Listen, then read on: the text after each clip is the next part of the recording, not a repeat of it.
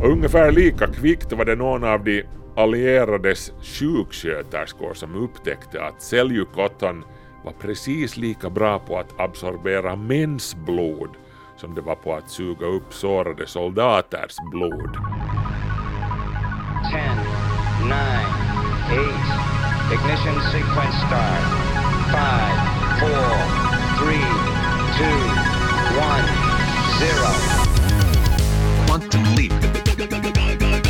Saut quantique. Salto quântico, salto quântico, salto quântico. Kvantvinsvåg. Salto quântico. Salto quântico. Salto quantico. Kvanthopp, det du inte visste att du ville veta. Krig är hemskt, hur man än ser på det. Kan ni tro att det kommer ett men här? Det gör det nämligen. För hur hemskt, galet och hjärtskärande krig än må vara, så lever vi i en värld som är full av civil teknologi och och uppfinningar som har sitt ursprung på slagfältet. Vi människor är aldrig så uppfinningsrika som när det kommer till att hitta på nya kreativa sätt att ha livet av andra människor eller försvara oss mot andra människor som vill ha livet av oss och lägga beslag på vårt hemland. Eller i bästa fall så blir ett hotande krig aldrig av. Men vapnen och den övriga teknologin som har utvecklats för krigiska ändamål finns hur som helst där. Och varför skulle man då inte utnyttja den till fredliga syften? Smida plogar av svärden liksom. Och det är det som kvanthopp handlar om den här veckan. Om svärden som smiddes till plogar. Om du lyssnar på det här via internet så använder du förresten ännu en av de här uppfinningarna som ursprungligen togs fram för krigiska syften. Mer om det senare. Välkommen till Kvanthopp. Jag heter Markus Rosenlund.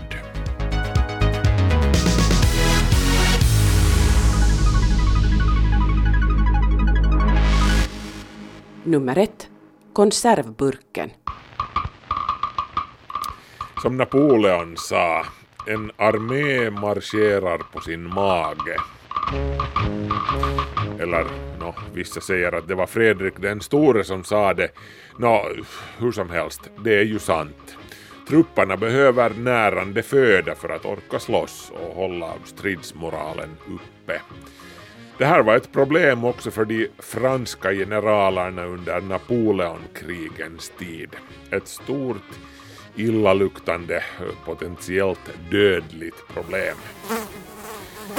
Det är klart förstås, mat kunde ju torkas, rökas eller syltas till exempel och, fås att hålla lite längre på det viset. Men ingen av de här metoderna var riktigt säker och de bevarade hur som helst inte smaken. Så 1795 utlyste den franska armén ett pris på 12 000 franc till den som kom på en metod att konservera mat. Så här kommer då sockerbagaren Nicolas Appert med lösningen på problemet. 1806 presenterade Appert på en mässa några burkar med frukt och grönsaker som han hade lagt in. Apers metod gick ut på att man placerade mat i en sluten glasburk och så hettade man upp den till en temperatur som dödar bakterier och andra mikroorganismer. När burken sedan svalnar uppstår det dessutom ett vakuum inuti burken som hindrar nya mikroorganismer från att ta sig in. Men grejen är hur som helst den att Aper aldrig riktigt kunde förklara varför hans metod fungerade. Apers idé byggde, som han såg det, på att man tog bort luften från kärlet med maten i. Teorin bakom det hela var ganska vag. Mikroorganismernas roll föll liksom aldrig honom in. Det skulle dröja flera år innan Louis Pasteurs forskning avslöjade sambandet mellan mikroorganismer och, och mat som blev skämd. Nämnde jag förresten att Aper inte fick prissumman på 12 000 franc.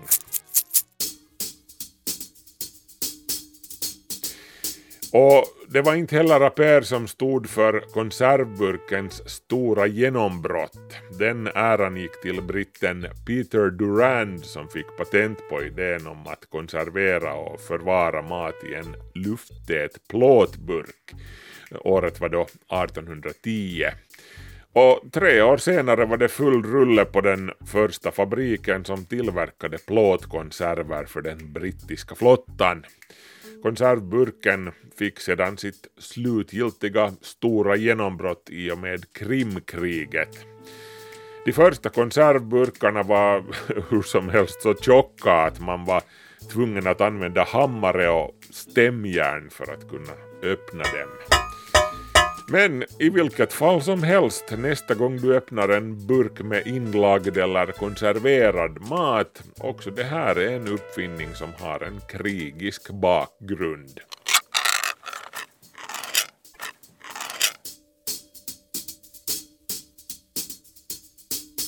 Nummer två. Sommartiden. I skrivande stund har vi precis gått över till sommartid, eller som mina Facebookvänner uttrycker saken, det där evinnerliga vridande av klockan. Också det här är ett påfund som i grund och botten har sina rötter i kriget, första världskriget närmare bestämt. Själva idén med att vrida fram klockan om våren hade i och för sig diskuterats redan tidigare men ingen hade gjort slag i saken innan första världskriget bröt ut. Då uppstod det plötsligt brist på kol för eldning i Europa och för att spara på kol införde Österrike-Ungern sommartid i april 1916. Storbritannien gjorde samma sak i maj samma år. Tanken med det här med sommartid var ju samma då som den är nu i princip. Ju mer av våra dagliga sysslor som vi kan inleda när solen redan har börjat lysa och värma, eh, desto mera energi sparar vi. Med andra ord, vi skjuter fram samhällets morgonrutiner och, och rusningstrafik med en timme då solen står lite högre på himlen. Finland experimenterade med sommartid så sent som 1942, återigen på grund av kriget och bristen på bränsle som rådde då. Men den gången frångick man systemet efter kriget. Inte förrän 1981 infördes sommartid som en permanent praxis i Finland, som ett av de sista länderna i Europa. De flesta andra europeiska länderna, inklusive Sverige, hade tagit i bruk sommartiden året innan som ett försök att spara energi i oljekrisens efterdyningar. Oljekrisen tog ju slut men inte sommartiden som EU senare befäste genom ett direktiv.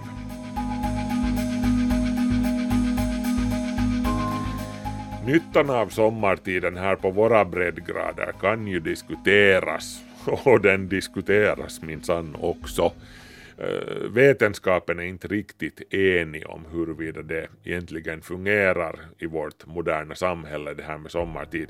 Enligt vissa studier är effekten rätt så plus minus noll. De eventuella fördelarna för oss här i Norden är i alla fall som mest markanta om våren och om hösten då när folk på riktigt har nytta av den extra timmen av ledig ljustid om kvällarna. Vissa menar att Finland tack vare sommartiden har fått en fjärde sommarmånad då folk kan förlänga stugsäsongen långt in i oktober när man har mera dagsljus till sitt förfogande efter jobbet. Alla andra sorters utomhusaktiviteter gagnas ju också inklusive fiske, idrott och skogspromenader. Så jo, jag gillar personligen sommartiden och jag har ingenting emot att ställa om klockan ett par gånger om året. Kalla mig konstig om du vill. Hur som helst, också den här uppfinningen introducerades alltså ursprungligen på grund av ett krig. Nummer tre. Sanitetsbindan. Det största problemet med krig är ju att det tenderar att bli hål i människor. och sen så rinner det blod på ställen där det inte var tänkt att rinna.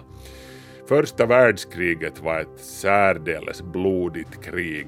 Antalet döda och sårade skrevs i tiotals miljoner. Bandage tillverkades av bomull på den tiden och under första världskriget blev det snart brist på den varan när kulorna började flyga. På det amerikanska pappersföretaget Kimberly Clark insåg någon i det här skedet att man kunde göra mer än bara vanligt papper med trämassa.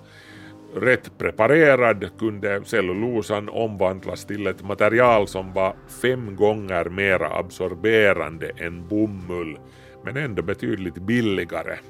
Kimberly Clark döpte sitt nyupptäckta material till Cellucotton och det dröjde inte länge innan leveranserna började rulla ut till de allierade styrkorna vid västfronten.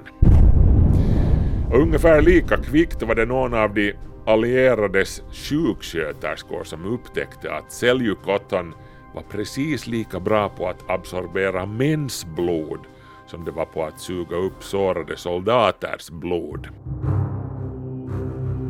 Så Kimberly Clarks superabsorberande bandage fick spela en dubbel roll vid fronten, som bandage och som engångsbindor.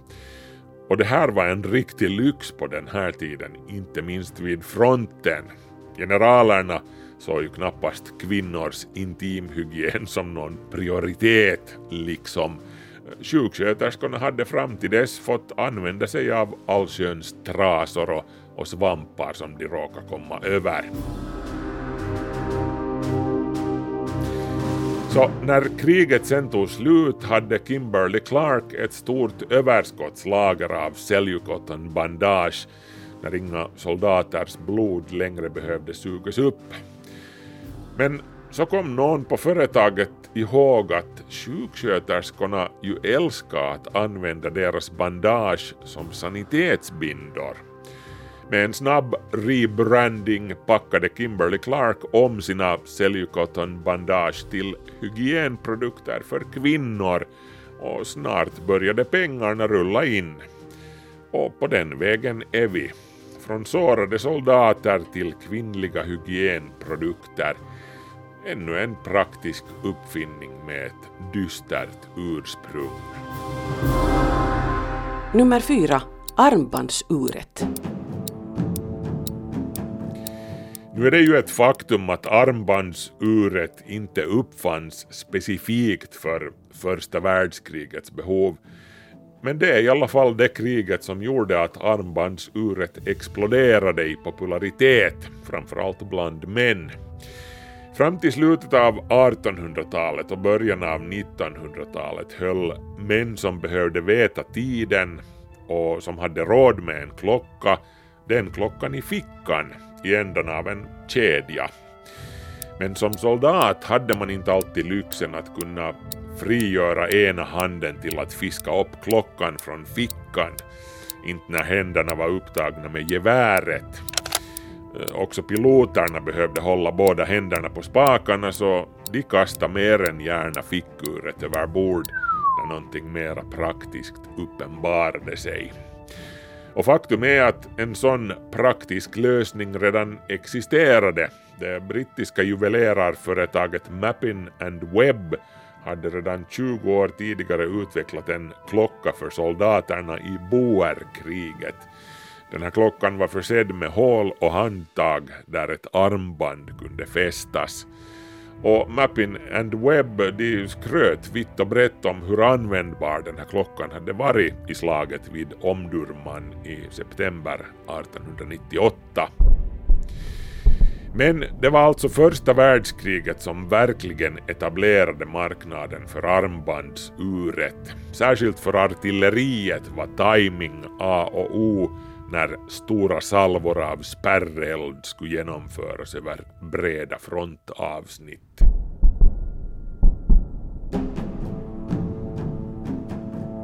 Avstånden på första världskrigets slagfält var helt enkelt för stora för signalering och hur som helst så innebar signalering en risk för att fienden skulle se vad man höll på med. Och då var ju armbandsurets fördelar ganska uppenbara. Och när soldaterna sen blev hemförlovade efter första världskriget tog de med sig sina armbandsur hem och plötsligt ville alla ha sådana, också kvinnor. Det är egentligen först nu på sistone, sedan smarttelefonen gjorde sitt intåg, som armbandsuret har blivit mindre självklart. Mina båda tonåriga söner till exempel, de har aldrig velat ha något armbandsur trots att jag har köpt sådana åt dem. Och de ser lite medlidande på mig som inte kan leva utan en klocka på handleden. Sådär som soldaterna vid västfronten under första världskriget. Nummer 5. Cigaretten. Cigaretterna, de existerade också redan när första världskriget bröt ut. De hade funnits sedan tidigt 1800-tal, men de hade aldrig slagit igenom sådär jättestort på bred front. På den här tiden så rullar man ju för övrigt sina cigaretter själv för det mesta. Första världskriget blev uttryckligen den färdigrullade, industriellt tillverkade cigarettens genombrott. När USA gick med i första världskriget 1918 då såg tobaksföretagen sin chans. De började marknadsföra cigaretterna uttryckligen åt militären som ett sätt för soldater att fly det hårda livet i skyttegravarna, åtminstone för en stund. Cigaretterna piggade upp soldaterna och stärkte stridsmoralen, så gick reklamsnacket åtminstone. Cigaretterna målades upp som de sårades sista och enda tröst. Och det gick ju hem. Cigarettrökningen ökade dramatiskt bland USAs militärer. De färdigrullade cigaretterna hade den ytterligare fördelen att de var lätta att ta fram och tända så fort det uppstod en paus i eldgivningen. Och precis som med armbandsuret så hade du bägge händerna fria för annat. Du kunde till och med röka medan du sköt. Cigaretter blev så integrerade i livet på slagfältet att de också användes som ett slags inofficiell valuta till att idka byteshandel mot diverse varor och tjänster. Det här har pågått mer eller mindre på alla slagfält sedan dess, inte minst i andra världskriget och i Vietnamkriget. Det lär vara vanligt också i vår tids fängelser med den här sortens byteshandel. Nummer 6. Sollampan. Vintern 1918 led omkring hälften av alla barn i Berlin av rakit, också kallad engelska sjukan, ett tillstånd där benen blir mjuka och deformerade. Vid den här tiden var den exakta orsaken till sjukdomen inte känd, också om den rent allmänt förknippades med fattigdom. 1918 orsakades den hur som helst av undernäring på grund av det nyligen avslutade första världskriget. En läkare i stan, Kurt Hulginski, la märke till att hans patienter var mycket bleka så han bestämde sig för att genomföra ett experiment på fyra av dem, inklusive en treårig pojke vid namn Arthur. Doktorn satte de fyra barnen under kvicksilverkvartslampor som avgav ultraviolett ljus. Och eftersom behandlingen fortskred märkte Hulcinski att benen hos Arthur och hans övriga unga patienter blev starkare. I maj 1919 när sommarsolen tittade fram lät han dem sitta på terrassen i solskenet. Och resultaten av Hulginskis experiment blev snart allmänt kända. Barn runt om i Tyskland fick bada i UV-ljus. I Dresden lät barnskyddet till exempel demontera stadens gatubelysning för att använda lamporna för behandling av barn. Forskare upptäckte senare att D-vitamin är nödvändigt för att bygga upp benstommen med kalcium och att den här processen utlöses av ultraviolett ljus. Undernäringen som kriget orsakade ledde med andra ord till kunskapen som behövdes för att bota sjukdomen rakit och bidrog till sollampans och senare solariets genombrott. Nummer 7. Mikrovågsugnen. Mikrovågsugnens tillkomst går hand i hand med introduktionen av radarn. Radarn är för övrigt ännu en av krigets teknologier som sedermera har fått viktiga och omfattande civila tillämpningar. Och radar bygger alltså på att man sänder ut en signal bestående av kortvågig elektromagnetisk strålning, mikrovågor närmare bestämt. När de träffar någonting, till exempel ett flygplan, reflekteras de tillbaka till avsändaren som registrerar att jaha, där finns någonting där ute. Den här tekniken började användas under andra världskriget. Och 1945 upptäcktes mikrovågornas uppvärmande effekt av misstag av en viss Percy Spencer, en amerikansk självlärd ingenjör. Eh, Spencer som vid den här tiden var anställd av företaget Raytheon märkte att mikrovågor från en aktiv radar som han arbetade på fick en chokladkaka som han hade i fickan att börja smälta. Så Spencer använde radarteknologin till att konstruera en mikrovågsugn. Den första maten som tillreddes i Spencers mikrovågsugn var överraskande nog popcorn. Och den andra var ett ägg som exploderade i ansiktet på en av Raytheons ingenjörer. Men i alla fall, utan andra världskriget och speciellt slaget om Storbritannien där radarn först användes i stor skala av britterna skulle du inte sitta där och, och mumsa på mikrovågspopcorn idag. Nummer 8. Silvertejpen eller Jesustejpen eller gaffatejpen. Eller rodartejpen. Kärt barn har många namn. Själv hör jag till dem som kallar den för Jesustejp för dess egenskaper är ju minst lika mytomspunna. Men vi kan ju säga silvertejp i det här sammanhanget. Silvertejpen uppfanns av den amerikanska kvinnan Vesta Stout. Under andra världskriget arbetade Stout med att packa ammunitionslådor. Stout var orolig för att fumlande med de svåröppnade ammunitionslådorna skulle kunna kosta soldaterna dyrbar tid i strid. Så hon föreslog en idé för att underlätta det här. En vattentät rivbar tygtejp. Men hennes chefer var skeptiska och de sade nej tack till Stouts förslag.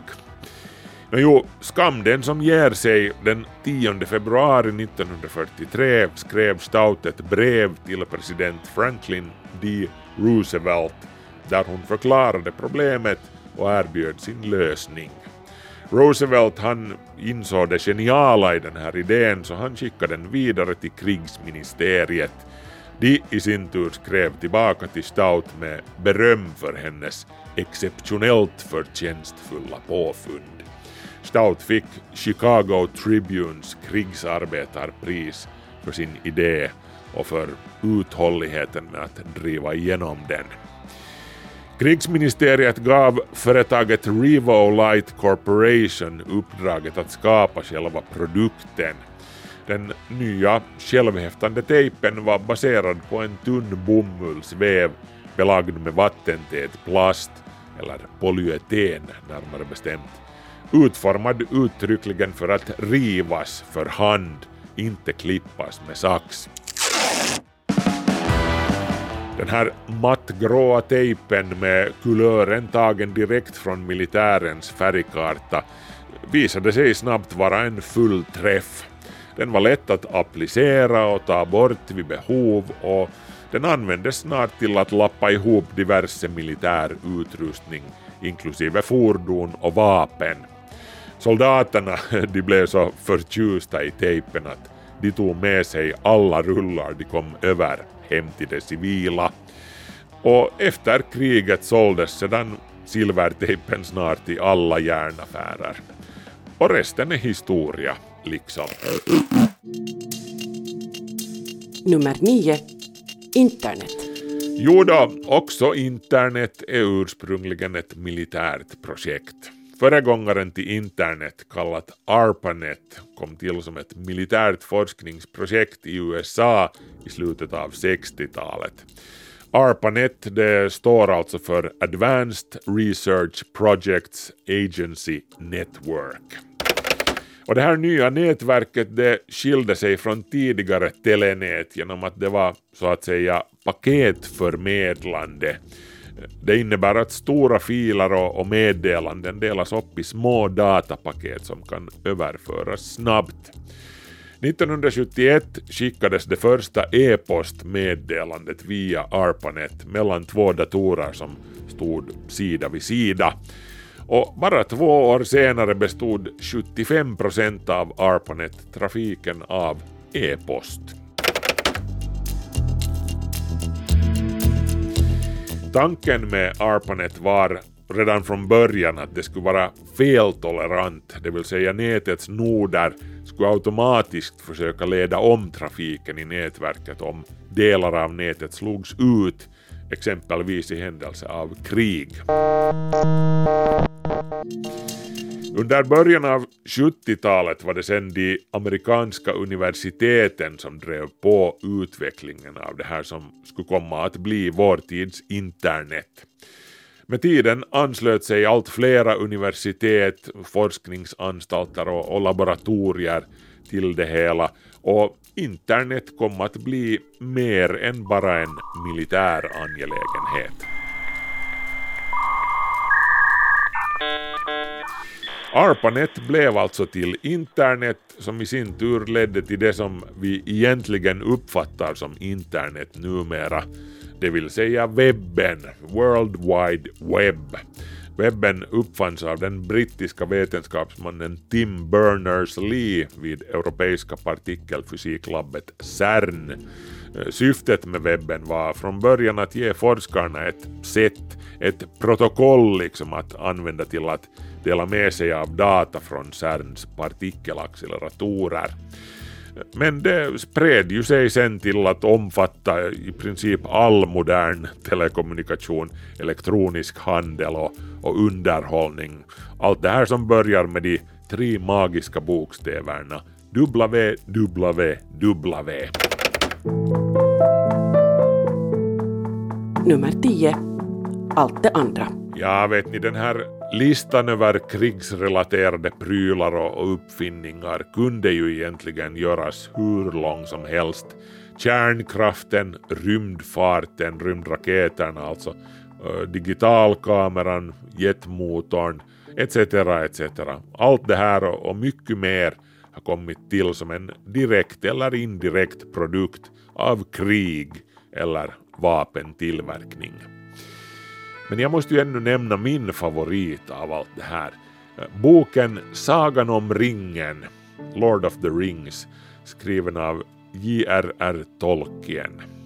Uh, Nej, eh, boken är inte en allegori för första världskriget, det har Tolkien själv sagt, men den är ju nog väldigt mycket inspirerad av kriget. Trots allt, jag menar, hur skulle den kunna vara någonting annat? De första av de berättelser som senare blev Sagan om ringen kom till som ett sätt för andra löjtnant John Ronald Ruel Tolkien, bataljonssignalofficer till 11 Lancashire Fusiliers, att fly, må vara hur tillfälligt som helst, från den tristess, kaos och brutalitet som rådde i och omkring det första världskrigets skyttegravar. Och vi andra fick ett odödligt litterärt epos att fly från vår verklighet i. Men hur som helst, det om det, hörni. Krig är som sagt hemskt. Inte minst det fullkomligt onödiga vansinneskrig som Ryssland utlöste då de invaderade Ukraina. Men också det här kriget kommer säkert att resultera i en eller annan idé eller uppfinning som gör världen lite bättre. Krig tenderar som sagt att ha den effekten. Moln med silverkant och så vidare. Men frågan är ju, är det värt det? Var första världskriget med allt sitt lidande och ändlösa blodspillan värt alla de uppfinningar som kom till vid sidan om? Uh, nej, självklart inte. Och mer än så finns egentligen inte att säga om den saken.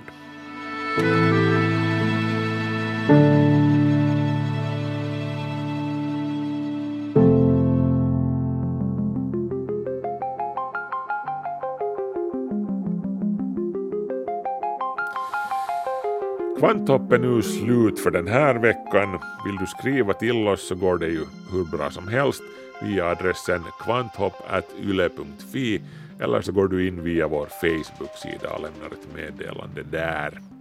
Ett nytt avsnitt blir det igen som vanligt nästa lördag på Yle Arenan och naturligtvis också i, i Yle Vega sänds det här. Äh, Markus Rosenlund så heter jag som nu tackar för sällskapet. Vi hörs, ha det bra, hej så länge.